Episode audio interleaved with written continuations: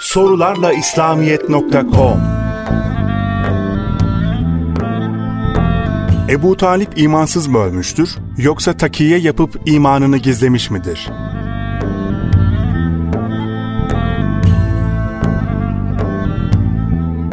Değerli kardeşimiz, Tevbe suresinin 113. ayeti kerimesinin Ebu Talib'in imanı hakkında nazil olduğu bildirilmektedir.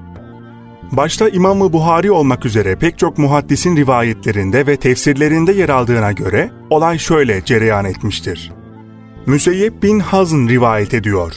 Ebu Talib'e ölüm alametleri geldiği sırada ona Resulullah geldi ve amcasının yanında Ebu Cehil bin Hişam ile Abdullah bin Ebi Ümeyye'yi buldu.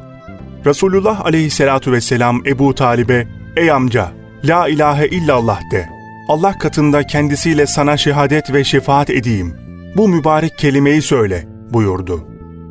Ebu Cehil ve Abdullah bin Ebi Ümeyye, ''Ey Ebu Talip, Abdülmuttalip milletinden yüz mü çevireceksin diye onu vazgeçirdiler. Resul-i Ekrem aleyhissalatu vesselam amcasına kelime-i tevhidi arza devam ediyordu. Bu ikisi de mütemadiyen o sözlerini tekrar ediyorlardı. Nihayet Ebu Talip bunlara söylediği son söz olarak, o yani ben Abdülmuttalip milleti üzeredir dedi ve la ilahe illallah demekten çekindi.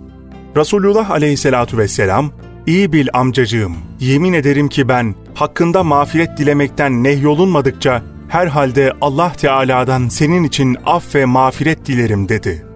Bunun üzerine Cenab-ı Hak şu mealdeki ayeti kerimeyi indirdi.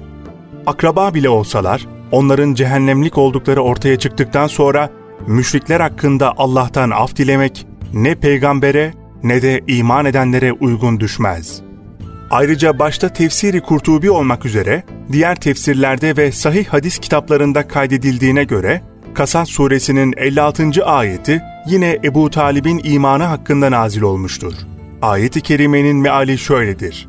Sen sevdiğin kimseyi hidayete erdiremezsin. Ancak Allah dilediğine hidayet verir. Doğru yolda olanları en iyi bilen de O'dur. Bu meseleye açıklık getirmesi bakımından Sahih-i Müslim'de rivayet edilen bazı hadis-i şeriflerin mealine bakalım. Peygamberimizin amcası Hazreti Abbas sorar. Ya Resulallah, gerçekten Ebu Talip sizi korur ve yardım ederdi. Acaba bu ona bir fayda verdi mi? Resulullah aleyhissalatu vesselam şöyle buyurdular. Evet verdi. Ben onu cehennemin derin dalgaları içinde buldum da kendisini sığ bir yere çıkardım. Bu hususta bir başka hadisi Ebu Said el-Hudri rivayet ediyor. Resulullah'ın huzurunda amcası Ebu Talib'in bahsi geçti. Resulullah aleyhissalatu vesselam onun hakkında şöyle buyurdu. Umulur ki kıyamet gününde benim şefaatim ona bir fayda verir de cehennemin sığ yerine konur. Topuklarına kadar erişir, ondan beyni kaynar. Cehennemliklerin azap itibariyle en ehveni Ebu Talip'tir. O dahi iki ayakkabı giyecek, onlardan beyni kaynayacaktır. Bu hususta gerek tefsir ve hadis alimleri, gerekse fıkıh ve kelam alimlerinin ve ehli sünnetin dışında bulunan alimlerin farklı izahları bulunmaktadır. Sahih hadis kitaplarında yer alan ve Peygamber Efendimizin Ebu Talib'e kelime-i tevhidi arz etmesine mukavil, onun ölüm anında bunu söylememesi hususundaki hadisi delil olarak zikreden ehli sünnet alimlerinin ekserisi, Ebu Talib'in iman etmeden öldüğünü söylerler. İmam-ı Azam Ebu Hanife de aynı hadisi zikrederek, Resulullah'ın aleyhissalatu vesselam amcası ve Hazreti Ali'nin babası Ebu Talip kafir olarak ölmüştür der. Yine yukarıda Sahih-i Müslim'den naklettiğimiz hadiste, Peygamberimiz Ebu Talib'i cehennemin sığ bir yerine çıkardığını bildiriyordu. Hadis alimleri, bu işi Peygamberimizin ya Miraç gecesinde cehennemi gezerken gerçekleştirmiştir veya kıyamet günü yapacaktır demişlerdir. Ebu Talib'in imanlı olarak öldüğünü söyleyen bazı alimler de İbni İshak'ın İbni Abbas'tan rivayet ettiği bir hadisi delil olarak getirirler. Bu hadise göre Ebu Talip ölüm döşeğindeyken Peygamberimiz aleyhissalatu vesselam onun kelime-i tevhidi söylemesini o kadar telkin etmesine rağmen Ebu Talip, Kureyşliler Ebu Talip ölümden korktu da o sözleri söyledi dememeleri için söylemiyorum dedi. Fakat bir müddet sonra Hz. Abbas kulağını Ebu Talib'in dudaklarına yaklaştırdığında kıpırdadığını gördü ve Resulullah'a dönerek ''Ey kardeşimin oğlu, kardeşim senin o söylemesini istediğin sözleri söyledi.'' dedi. Fakat Resulullah ben işitmedim buyurdu. Fakat gerek senedinin zayıflığı, gerekse sahih hadislere aykırı oluşundan dolayı muhaddisler bu rivayeti çürütürler.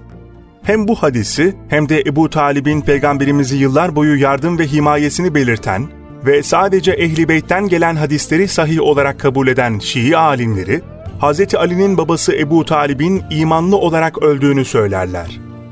Bu arada Resulullah'ın amcası Ebu Talib'in imanı hakkında esah nedir sualine, Bediüzzaman Said Nursi, ehli teşeyyü imanına kail, yani Şiiler imanlı öldüğünü kabul ederler.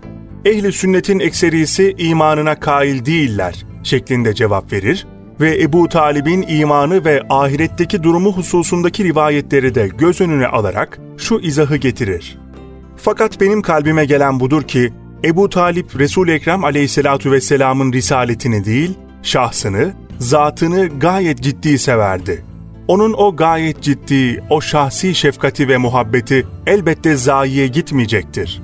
Evet, ciddi bir surette Cenab-ı Hakk'ın Habib-i Ekrem'ini sevmiş ve himaye etmiş ve taraftarlık göstermiş olan Ebu Talib'in inkara ve inada değil, belki hicap ve asabiyeti kavmiye gibi hissiyata binaen makbul bir iman getirmemesi üzerine cehenneme gitse de yine cehennem içinde bir nevi hususi cenneti onun hasenatına mükafaten halk edebilir, yaratabilir.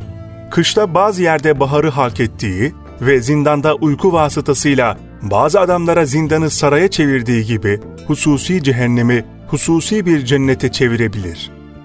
Ebu Talib'in öldükten sonra dirilmesi ve Peygamberimizin ona iman telkin etmesi üzerine iman etmesine gelince bu hususta çeşitli rivayetler vardır. Mesela tefsiri İbni Kesir'de Kurtubi şöyle der. Peygamberimizin anne ve babasının diriltilmesi ve Peygamberimizin onlara iman telkin etmesi aklen ve şer'an imkansız değildir. Hatta ben şöyle bir şey de işitmiştim. Allah Teala peygamberimizin amcası Ebu Talib'i diriltti ve o da iman etti.